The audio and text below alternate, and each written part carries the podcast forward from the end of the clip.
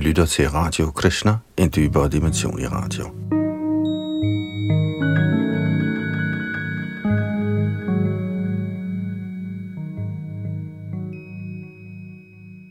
I vores gennemgang af Sri Chaitanya Charitamritas Madhya Lila, eller midterste del, nåede vi sidste gang et stykke ind i det 21. kapitel, hvor Herren Sri Krishnas overdådighed og sødme bliver beskrevet af Chaitanya Mahaprabhu for Sanatan Goswami. Og det her kapitel er en del af den undervisning, Chaitanya Mahaprabhu gav netop Sanatan Goswami. Vi læser fra tekst 105 i denne udsendelse. Yadunandandas sidder bag mikrofon og teknik.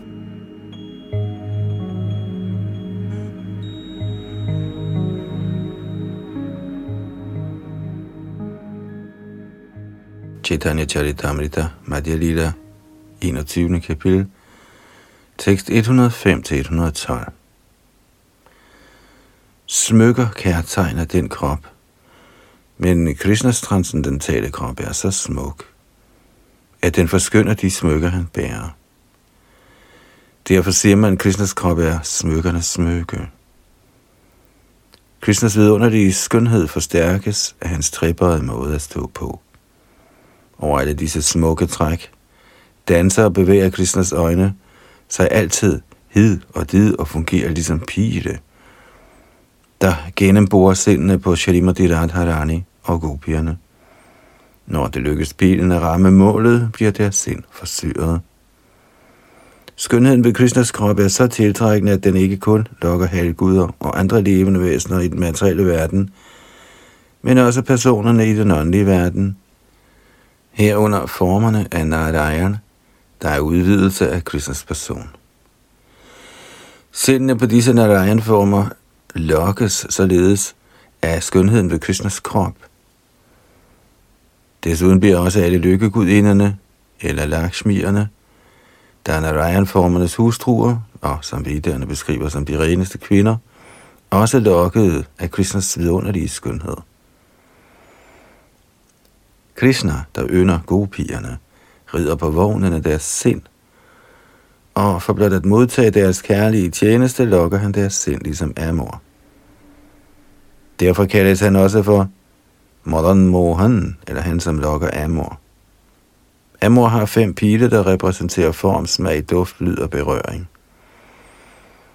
Krishna ejer disse fem pile, og med sin amor-lignende skønhed erobrer han gopiernes sind, selvom de er meget stolte af deres i højeste grad fortræffelige skønhed. Som den ny ærmor lokker Krishna deres sind og indleder sig på deres dansen. Når herren vandrer i Brindavans skov sammen med sine venner på lige fod, er der utallige græsende køer. Dette er endnu en af herrens lyksalige fornøjelser. Når han spiller på sin fløjte, begynder alle levende væsener, herunder træer, planter, dyr og mennesker, at skælve og gennemtrænges af lykke. Tårerne strømmer uafbrudt fra deres øjne. Krishna bærer et perlehalsbånd, der ligner en kæde af hvide ænder om sin hals. Bare fuglefjeren i hans hår ligner en regnbue, og hans gule klæder er ligesom lyn på himlen. Krishna ligner en nyligt opstået sky, og gopierne er ligesom nyt korn på markerne. En konstant regn af livlige lege falder over dette korn, og det lader til, at gopierne modtager stråler af liv fra Krishna, ligesom kornet får liv af regnen. Guddoms højeste person, Krishna, er fuldkommen i alle seks overdådigheder herunder hans charmerende skønhed, der forbinder ham i elskovs kærlighed med gopierne. Den dejlighed er indbegrebet af hans kvaliteter. Shukadev Goswami, søn af Vyasdev, har beskrevet disse Krishnas lege igennem Srimad Bhagavatam. De hengivne hører disse beskrivelser og bliver gale af kærlighed til Gud.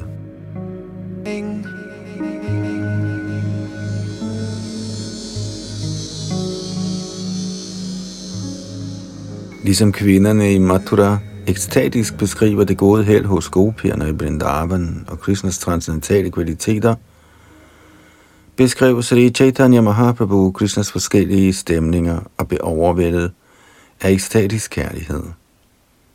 Han greb Sanatan Goswamis hånd og reciterede det følgende vers. Gopyastapakim acharan yadamusharupam lavanyasaram asamordham ananyasidham drigvhipibantyanusavabhinavangdurapam ekantadhama yashasa shriya aishwarasya. Hvilken strenghed må gopierne ikke have underlagt sig? Med deres øjne indtager de hele tiden gudedrikkende Krishnas form, der er essensen af dejlighed, og som intet hverken kan måle sig med eller overgå. Den dejlighed er den eneste bolig for skønhed, berømmelse og overdådighed. Den er selv fuldendt, evig frisk og enestående. Og så det der Prabhupada kommenterer kort.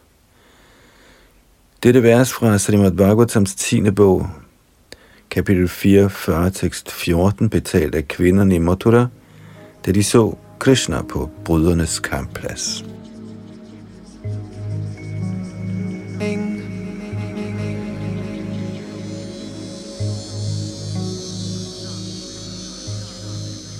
Madhya Lila, 21. kapitel, tekst 113-121.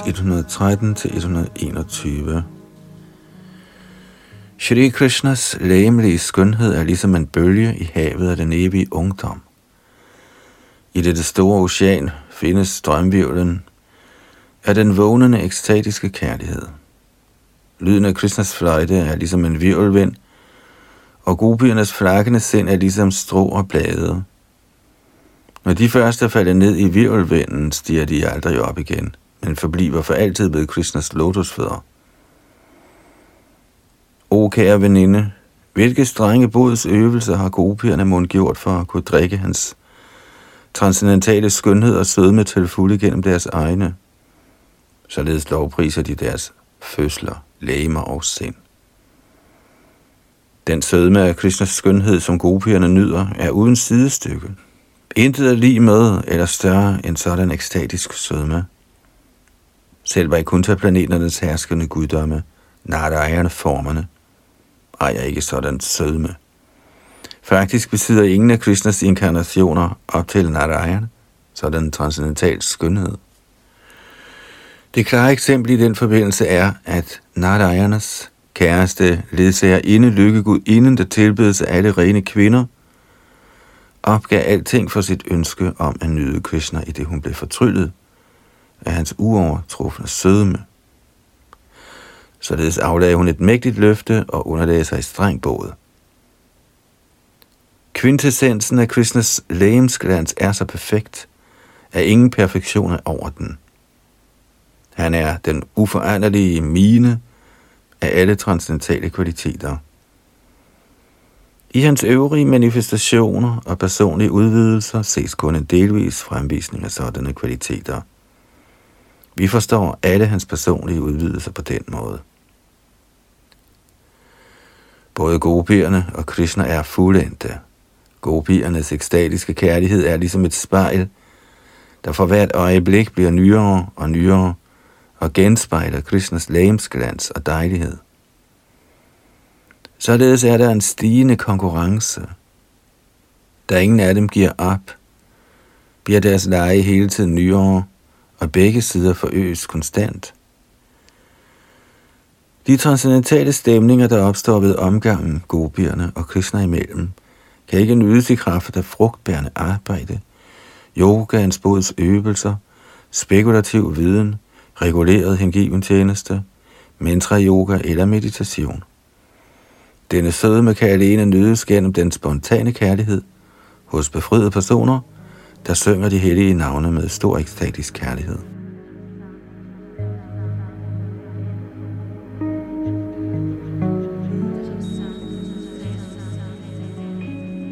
Så den ekstatiske udvekslinger mellem Krishna og gopierne er kun mulige i Vrindavan, som er fuld af den transcendentale kærligheds overdådigheder. Krishnas form er den oprindelige kilde til alle transcendentale kvaliteter. Den er ligesom en mine af ædelstene. Overdådighederne hos alle Krishnas udvidelser skal forstås skænket af Krishna. Derfor er Krishna en oprindelige kilde og ly. Skønhed, ydmyghed, barmhjertighed, dyd, tålmodighed og god intelligens er alle sammen manifesteret i Krishna. Men foruden disse har Krishna andre kvaliteter, såsom god opførsel, mildhed og storsind. Han gør også velfærdsarbejde for hele verden. Ikke alle disse kvaliteter kan konstateres i udvidelser såsom Narayana. Kommentar Shalila Bhaktivinoda Thakur nævner, at kvaliteternes skønhed, ydmyghed, barmhjertighed, dyd, tålmodighed og fin intelligens er strålende kvaliteter, og når de kan konstateres i Narayans person, skal man vide, at de er blevet skænket Narayan af Krishna. God opførsel, mildhed og storsind finder man kun i Krishna. Kun Krishna gør velfærdsarbejde for hele verden.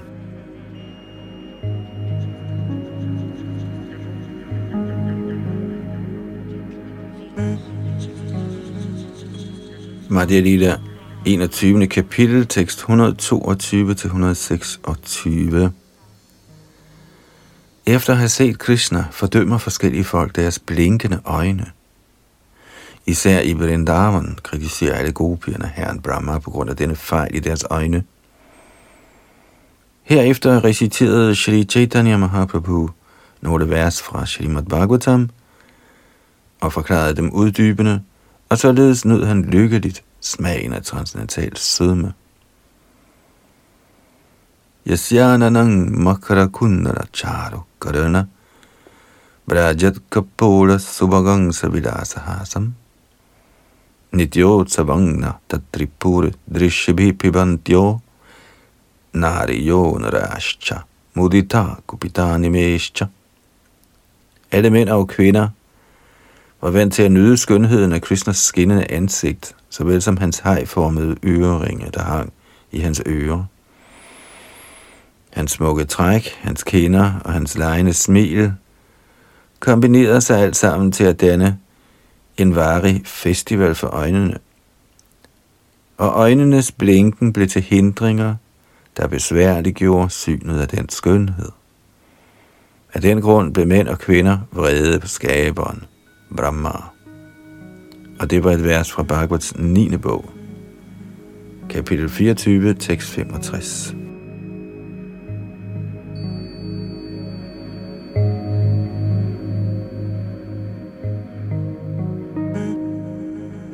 अटति यद भवान अह्नि काननम त्रुतिर्युगायते त्वाम पश्यताम कुटिर कुंटलं श्री मुखम चथे jada udikshataṁ pakshmakridrasham. O Krishna, når du går ind i skoven om dagen, og vi ikke kan se dit dejlige ansigt, der er omgivet af smukt krøllet hår, bliver et halvt sekund også lige så langt som en hel tidsalder. Og vi tænker, at skaberen, som har puttet øjenlåg på de øjne, vi bruger til at se dig med, kun er en tåbe. Og det var et vers, der betalte gopierne i Bhagavats 10. bog, kapitel 31, tekst 15. Krishna er guddommens højeste person er identisk med den vediske hymne, der kendes som Karma Gayatri, der består af 24 og en halv stavelser. Disse stavelser sammenlignes med måner, der står op i Krishna. Således fyldes alle de tre verdener med begær. Krishnas ansigt er kongen over alle måner, og Krishnas krop er tronen. Således regerer kongen over et samfund af måner. Kommentar. Krishnas ansigt regnes for kongen over måner, og hans krop regnes for tronen. Alle de andre chandras, eller måner, skal regnes for underordnede måner. Hans venstre kind er en måne, og hans højre kind er en måne. Hans pande anses for en halv måne. Pletten af sandeltræspasser på hans pande anses for en måne. Og hans fingernegle og tånegle er også forskellige måner.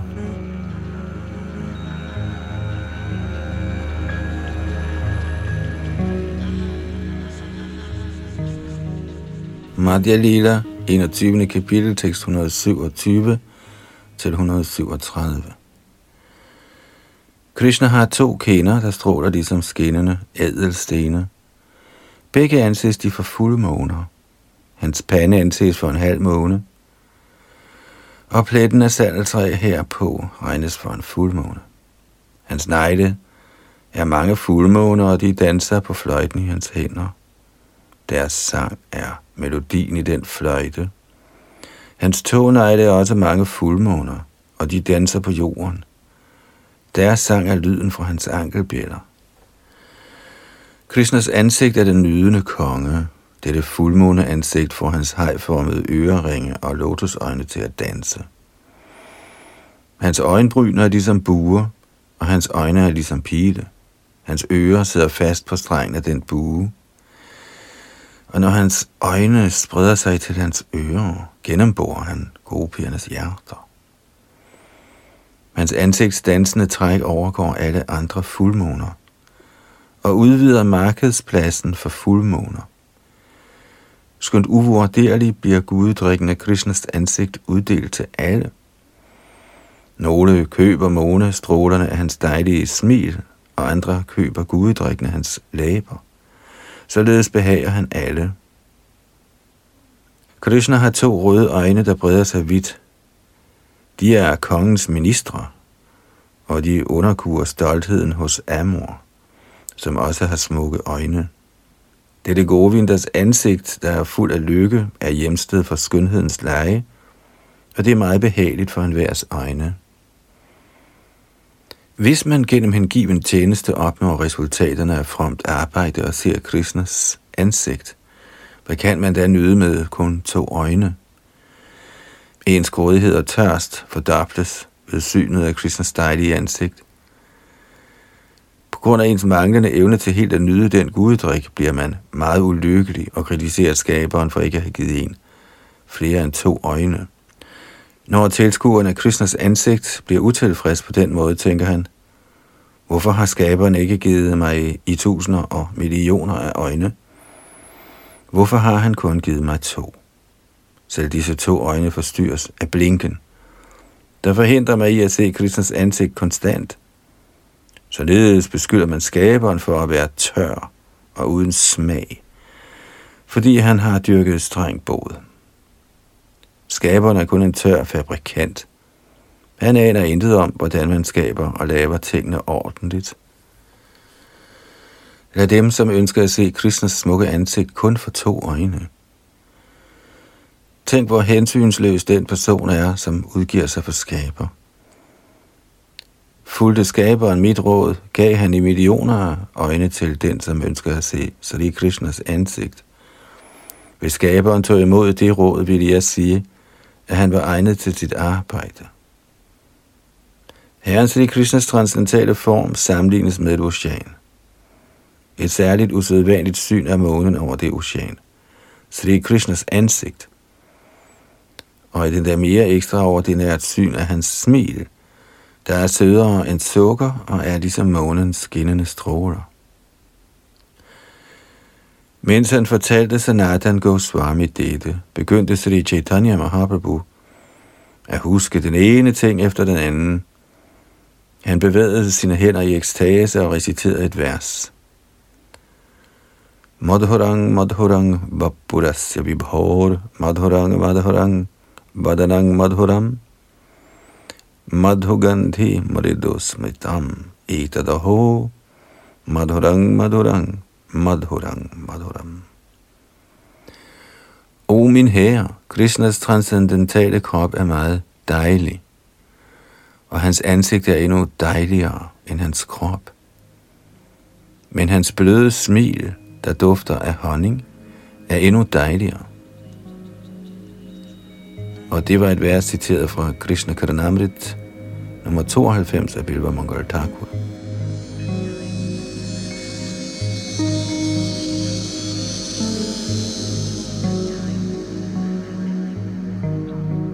Sri Chaitanya Charitamrita, Madhya Lila, kapitel 21, tekst 137. Shanatan Krishna Madhurya Amritera Sindhu Mora Manasanipati pati, sabapite koremati, duradoiba, bøjdja nadeya ekavindhu. Min kære Sanatan, sødmen af Krishnas person er ligesom et ocean af ambrosia.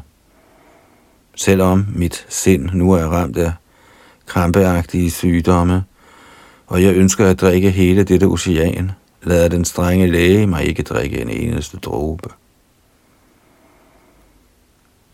Kommentar Når der sker en kombination af kappa, pitta og vayu, de tre lægemlige elementer, opstår sanibati eller en krampeagtig sygdom.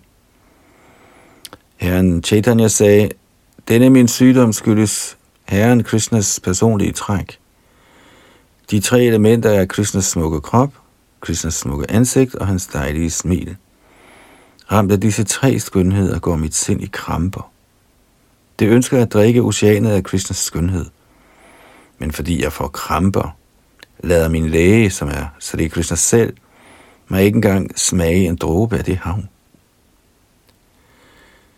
Shri Chaitanya Mahaprabhu var ekstatisk på den måde, fordi han præsenterede sig selv i gopiernes stemning.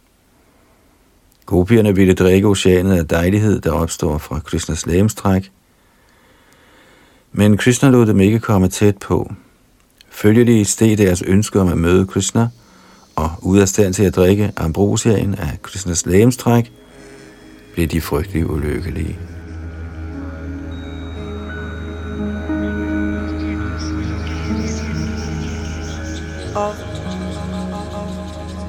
Madhya Lila 21. kapitel, tekst 138-144. Krishnas krop er en stor by af tillokkende indslag, og den er sødere end sød. Hans ansigt, der er ligesom månen, er endnu sødere. Og det i allerhøjeste grad søde og milde smil på dette måneansigt er ligesom stråler af måneskin. Og en kort kommentar. Smilet på Krishnas ansigt der er netop ligesom den smilende måne afføder en konstant stigende lykke hos gopierne.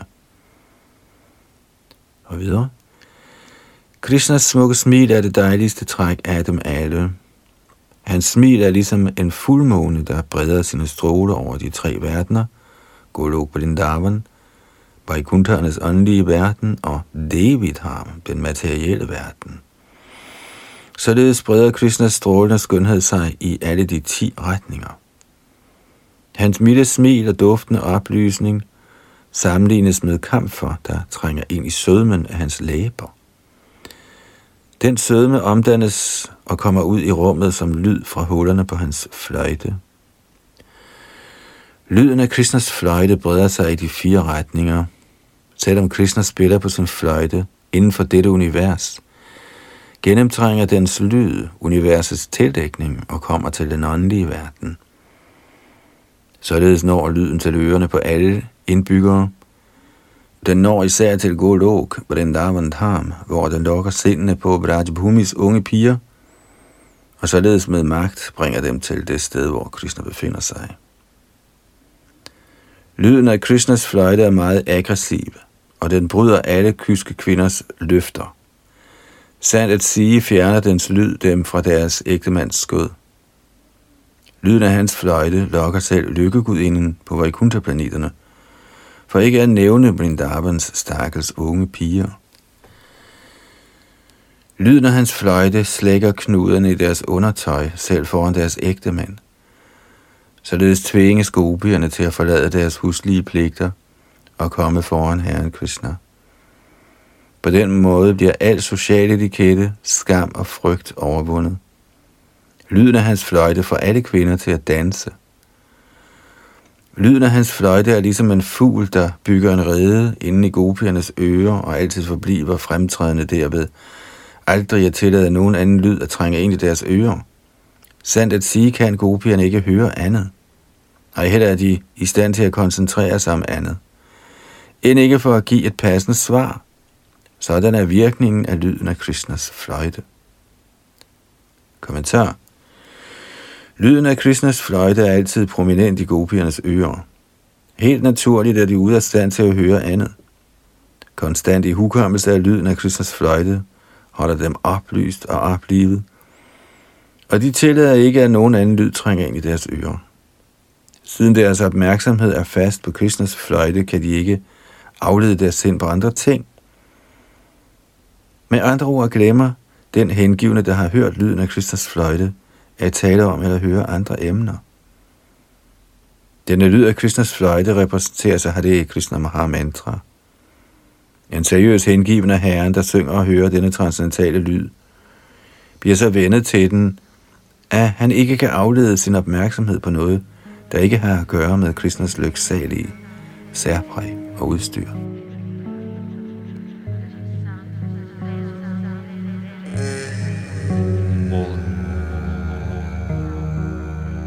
Madhya Lila 21. kapitel tekst 145 Kona kohe bahya gyane ana kohite kohiromane, Krishna kripa tomara upare Mora chitta brahma kuri Nija Ishwarya Madhuri Mora Mukhe Shunnaya Tomari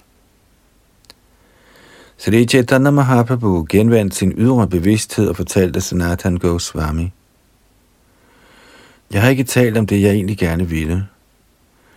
Herren Krishna er dig meget nådig, fordi han ved at forvirre mit sind har røbet sin personlige overdådighed og sødme. Han har fået dig til at høre alle disse ting fra mig med henblik på din forståelse.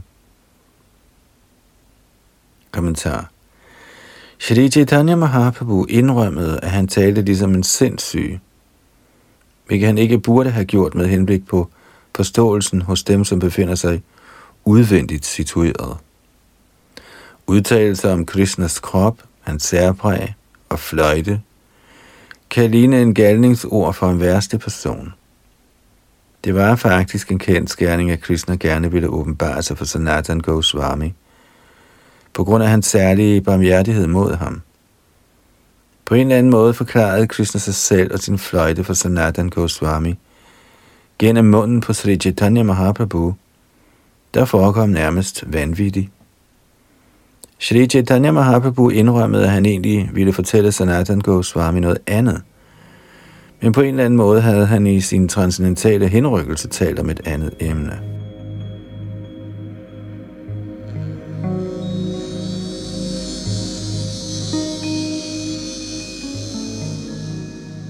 Madhya Lila 21. kapitel, tekst 146-149, der afslutter kapitlet. Siden jeg er blevet sindssyg, siger jeg en ting i stedet for en anden – det skyldes, at jeg ribes med af bølgerne i nektaroceanet af Krishnas transcendentale dejlighed. Shri Chaitanya Mahaprabhu forholdt sig herefter tavs et øjeblik. Til sidst, da han havde fået justeret tingene i sit sind, talte han igen til Sanatan Goswami. Den, som får lejlighed til at høre om Krishnas sødme i dette kapitel af Sri Chaitanya Charitamrita, bliver bestemt egnet til at flyde i dette transcendentalt lyksalige ocean af kærlighed til Gud. I bøn ved Sri Rups og Sri Raghunaths lotusfødder med et varigt ønske om deres nåde, fortæller jeg, Krishna Das, Shri Chaitanya Charitamrita, mens jeg går i deres fodspor. Således ender Bhaktivedanta kommentarerne til Sri Chaitanya Charitamrita, Madhya Lila kapitel 21, der beskriver Krishnas lyksalige særpræg.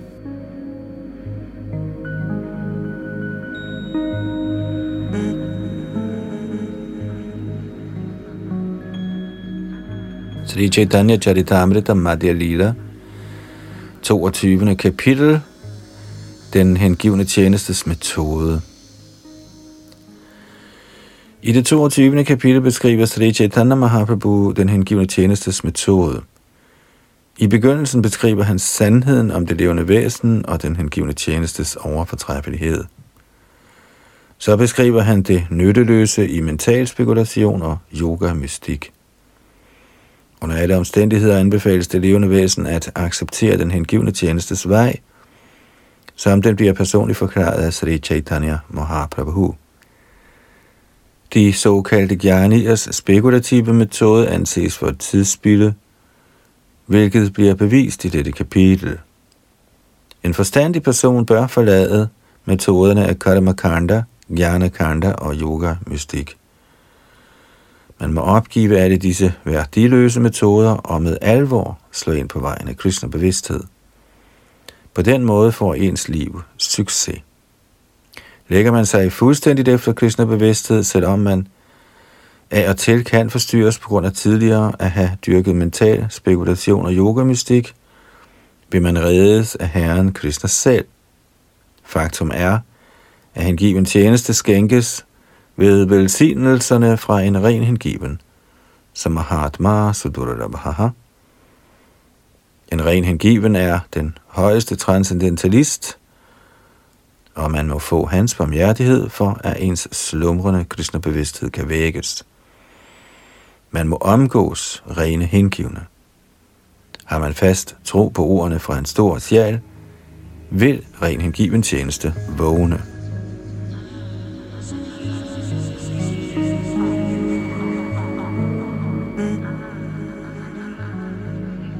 I dette kapitel skældner Sri Chaitanya Mahaprabhu mellem en ren hengiven og andre. Han beskriver også den rene hengivne særpræg. Den hengivne største fjende er omgang med kvinder i en nydende ånd. Omgang med ikke hengivne fordømmes også, fordi den også er en formidabel fjende på vejen af hengiven tjeneste. Man må overgive sig fuldstændigt ved Krishnas lotusfødder og opgive tiltrækningen til kvinder og ikke hengivne. De seks symptomer på fuldstændigt overgivende sjæle bliver også beskrevne i dette kapitel. Hengiven tjeneste er blevet inddelt i to kategorier, reguleret hengiven tjeneste og spontan kærlighed. 64 punkter gælder for reguleret hengiven tjeneste, og af disse 64 regnes de sidste fem for meget vigtige. Ved at dyrke selv kun en af den hengivne tjenestes ni metoder, kan man få succes. Spekulativ viden og yoga mystik kan aldrig være en til hjælp i hengiven tjeneste. Fromme gerninger, ikke vold, sansekontrol og reguleringer er ikke adskilt fra hengiven tjeneste i dens rene form. Dyrker man hengiven tjeneste, følger alle gode kvaliteter. Man skal ikke dyrke dem separat. Spontan hengiven tjeneste opstår, når man følger en ren hengiven, der er vågen over for spontan Guds kærlighed.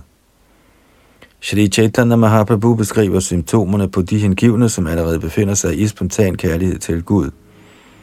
Han beskriver også de hengivne, som forsøger at gå i rene hengivnes fodspor.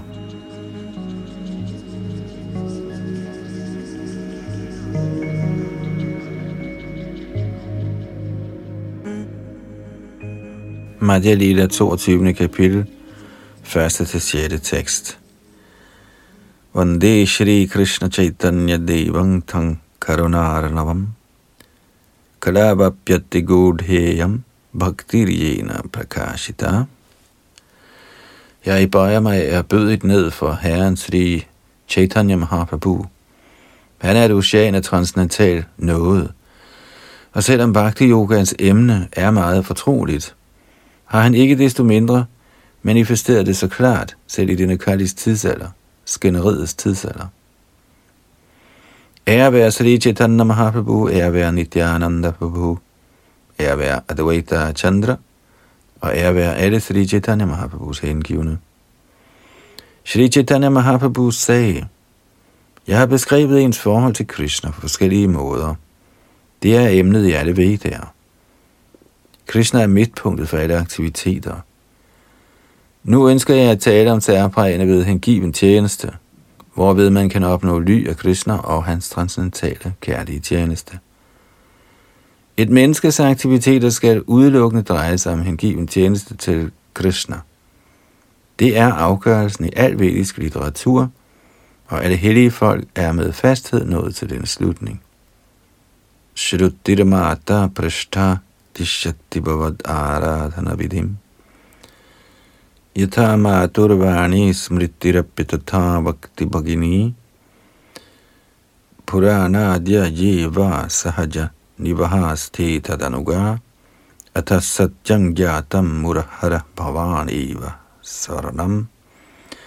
Der moder Veda eller Shruti bliver spurgt om, hvem man skal tilbede, siger hun, at du er den eneste herre og genstand for tilbedelse.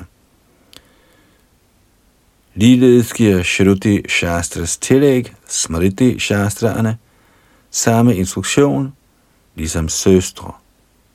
Puranaerne, der er ligesom brødre, går i deres mors fodspor. O du mutterdæmonens fjende, slutningen er, at du er det eneste ly. Nu har jeg forstået dette i sandhed. Dette citat fra den vediske litteratur blev talt til herren af store vismænd.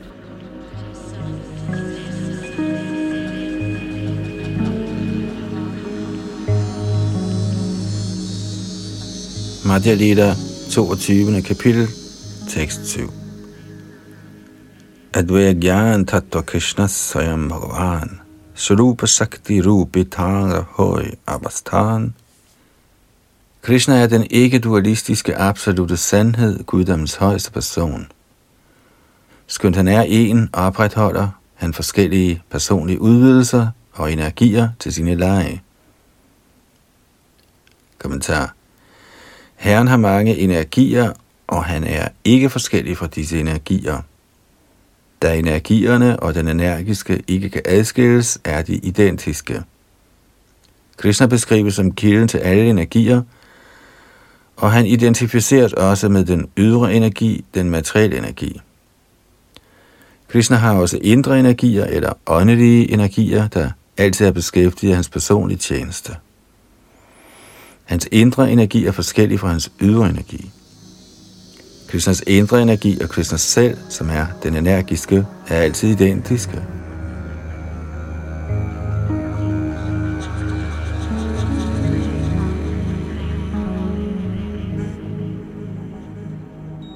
Madhya Lila 22. kapitel, tekst 8 og 9. Krishna udvider sig i mange former. Nogle af dem er personlige udvidelser, og andre er adskilte udvidelser. Således udfører han lege i både de åndelige og de materielle verdener. De åndelige verdener er Vaikuntha-planeterne, og de materielle universer er Brahmanderne, gigantiske kloder styret af Brahma. Udvidelse af hans personlige selv, såsom de firedobbelte manifestationer af Sankarshan, Pradyumna, Aniruddha og Vasudev, nedstiger som inkarnationer fra Vaikuntha til denne materielle verden. De adskilte udvidelser er de levende væsener. Selvom de er Krishnas udvidelser, henregnes de til hans forskellige energier. Kommentar De personlige udvidelser kendes som Vishnu Tattva, og de adskilte udvidelser kendes som Jiv Tattva. Selvom jivaerne, eller de levende væsener, er integrerende dele af guddommens højeste person, henregnes de stadigvæk til hans multienergier. Det bliver udtømmende forklaret af Krishna i Gitans 7. kapitel tekst 5. Apareyamitastvanyam prakriting vidhime param jiva bhutang mahavaho yayedang dharyate jagat. For uden denne lavere natur, o Arjuna med de stærke arme, har jeg en anden højere energi, der består af de levende væsener, der udnytter ressourcerne i denne materielle lavere natur. Bhagavad Gita 7.5 Selvom de levende væsener er Krishnas integrerende dele, er de Prakriti, ikke Purush. Samtidig forsøger Prakriti eller et levende væsen at efterligne Purushans aktiviteter. På grund af manglende viden hævder levende væsener, der er betinget af den materielle verden, at de er Gud. Således bringes de i vildfarelse. Et levende væsen kan ikke på noget tidspunkt være på niveau med Vishnu Tattva eller Guddoms højeste person. Derfor er det latterligt, når et levende væsen hævder at være Gud. Fremskridende spiritualister vil aldrig støtte den slags ting. Sådanne påstande gøres i den hensigt at snyde almindelige, tåbelige folk. Kristnebevægelsen erklærer sådanne få inkarnationer krig. Den falske propaganda der udsendes af folk, der hævder at være Gud, har dræbt Guds bevidsthed over hele verden. Kristnebevægelsens medlemmer må være meget opmærksomme på at udfordre disse slyngler, som for nærværende vildleder hele verden. En sådan slyngel, der hed Pondrak, viste sig foran Krishna, og herren dræbte ham øjeblikkeligt. Selvfølgelig kan de, som er Krishnas tjenere, ikke slå den slags efterligningsguder ihjel, men de må gøre deres allerbedste for at besejre dem med beviser fra Shastra, autentisk viden, modtaget gennem disciplerækken.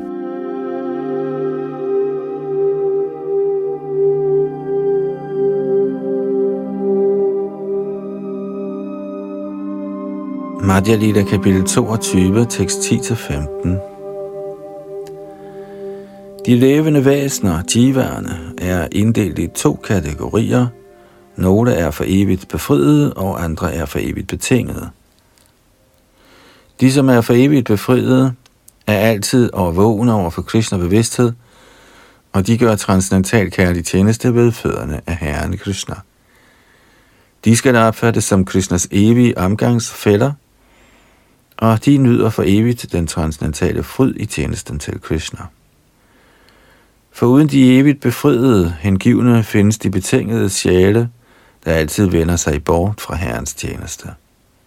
De er for bestandigt betinget i den materielle verden og er underlagt de materielle omvæltninger, fremkaldt af forskellige lægemsformer i helvedesagtige tilstande – fordi han er imod Krishna-bevidsthed, straffes den betingede sjæl af den ydre energis heks, Maya. Således er han klar til at lide de trefoldige kvaler.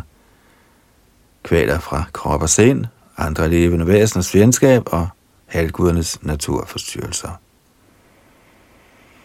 På den måde bliver den betingede sjæl en tjener af lystende begær, og når disse ikke bliver opfyldt, ender han som en tjener af vrede, og bliver fortsat sparket af den ydre energi Maja.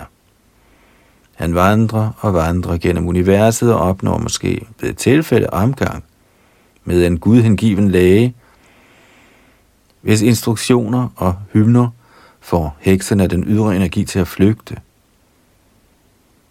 Den betingede sjæl kommer således i forbindelse med hengiven tjeneste til Herren Krishna, og på den måde kan han gradvist blive bragt tættere på Herren. Kommentar en forklaring på versene 8-15 gives af Sri Bhaktivinoda Thakur i hans Amrit Pravaha Bhasya. Herren er udbredt over hele skabelsen i sine fire dobbelte udvidelser og inkarnationer. Krishna er til fulde repræsenteret med alle energier, og i hver eneste personlige udvidelse – men de levende væsener, skønt adskilte udvidelser, regnes også for en af herrens energier. De levende væsener er inddelt i to kategorier, de for evigt befriede og de for evigt betingede. De evigt frie kommer aldrig i kontakt med Maya, den ydre energi. De evigt betingede sjæle er altid i kløerne på den ydre energi.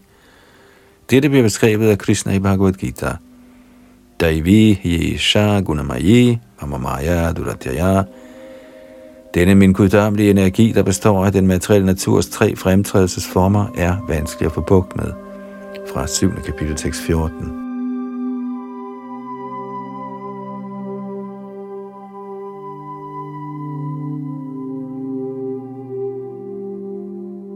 Nidya Badana er altid betinget af den ydre energi, og Nidya Mugdana kommer aldrig i kontakt med den ydre energi.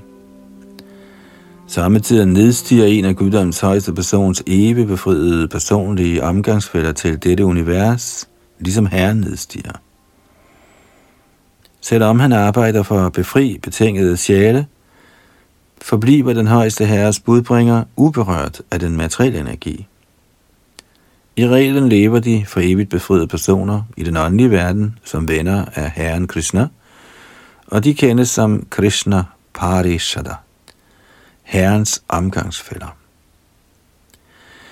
Deres eneste anlæggende er at nyde Kristens selskab, og selvom sådanne evigt frie sjæle kommer ind i den materielle verden for at tjene Herrens hensigt, nyder de uafbrudt Herren Kristens selskab. Den evige befriede sjæl, der arbejder på vegne af Krishna, nyder Krishnas selskab gennem hele sit virke. Den for evigt betingede sjæl, der anspores af lystende begær efter at nyde den materielle verden, tvinges til at vandre fra krop til krop. Samtidig hæves han til de højere planetsystemer, og samtidig nedværdiges han til helvedesagtige planeter og underlægges den ydre energis trængsler.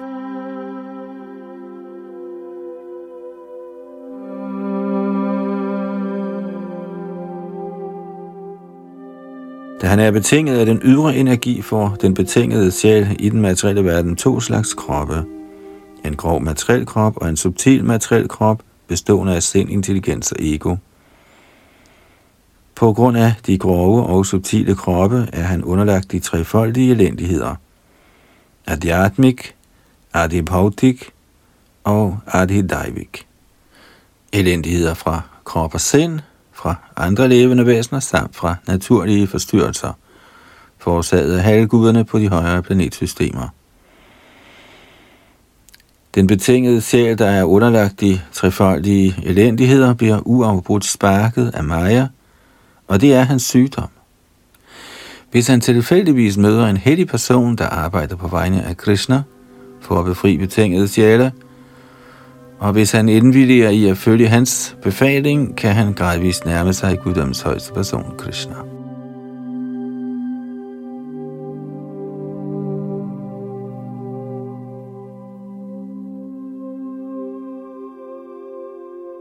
Madhya Lila, kapitel 22, tekst 16.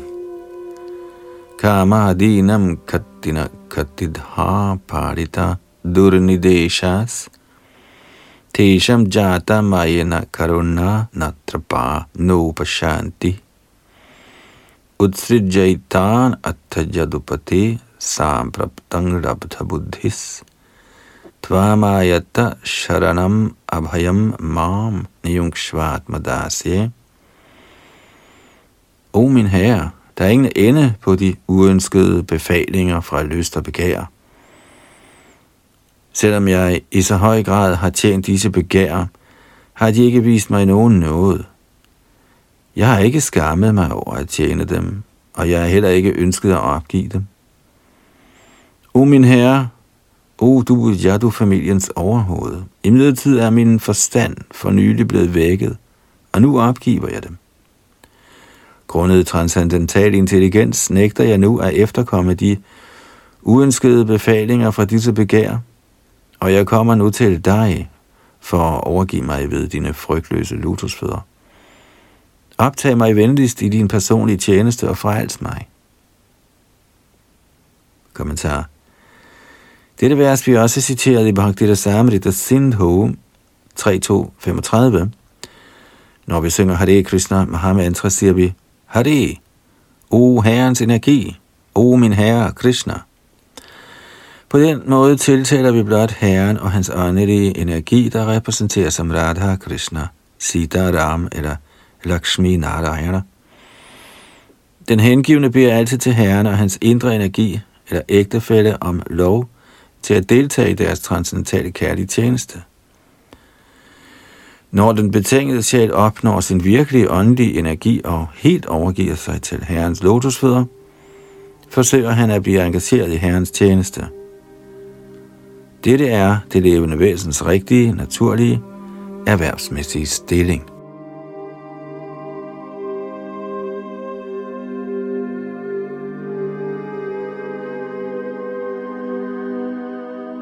Madhya Lila, kapitel 22, tekst 17 og 18.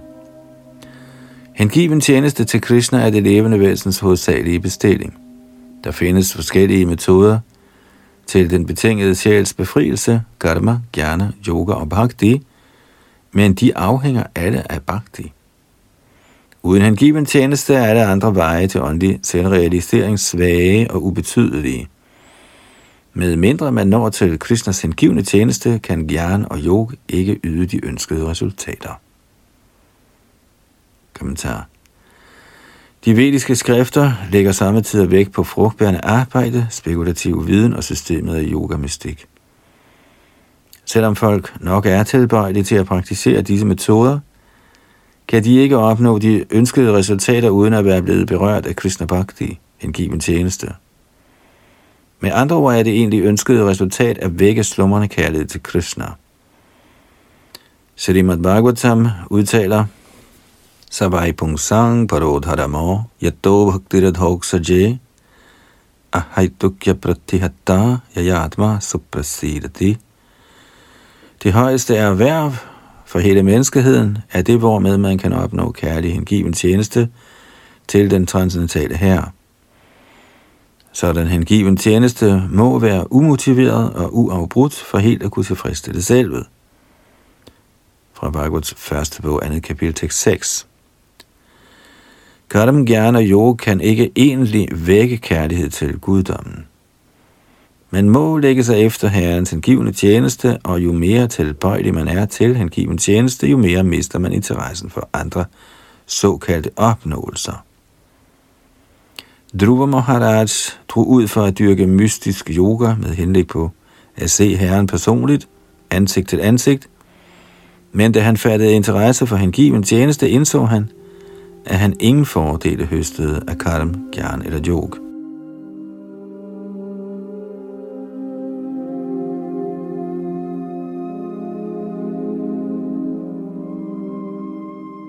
Madhya Lila, 22. kapitel, tekst 19. Naishkaramyam apyachutta bhava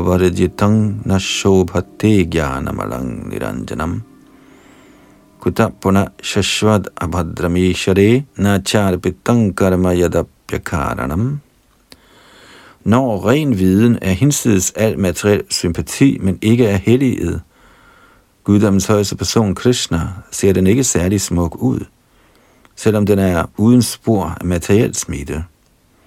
Hvad er der nytten med frugtbærende aktiviteter, hvilke naturligt er smertelige fra første færd, og flygtige af natur? Så frem de ikke bruges i Herrens angivende tjeneste, hvordan kan de være særligt tiltrækkende? Kommentar Dette er et citat fra Srimad Bhagavatams første bog, 5. kapitel, tekst 12. Selv efter at have skrevet mange vediske bøger, var Vyastev slet ikke tilfreds.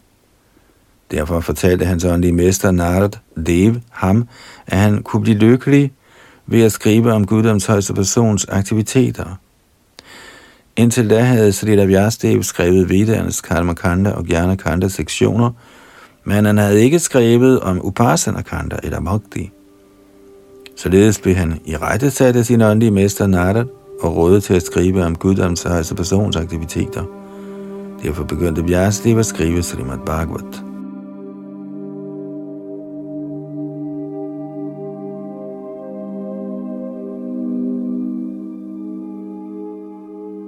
Så nåede vi frem til der med teksten 19 her i Madhya Lidas 22. kapitel, hvor Sri Chaitanya Mahaprabhu underviser Sanatan Goswami. Og disse her vers er meget fortrolige, og man skal lytte til dem med stor respekt. Vi fortsætter fra tekst 20 i næste ombæring, og det var Yadunandandas bag mikrofon og teknik.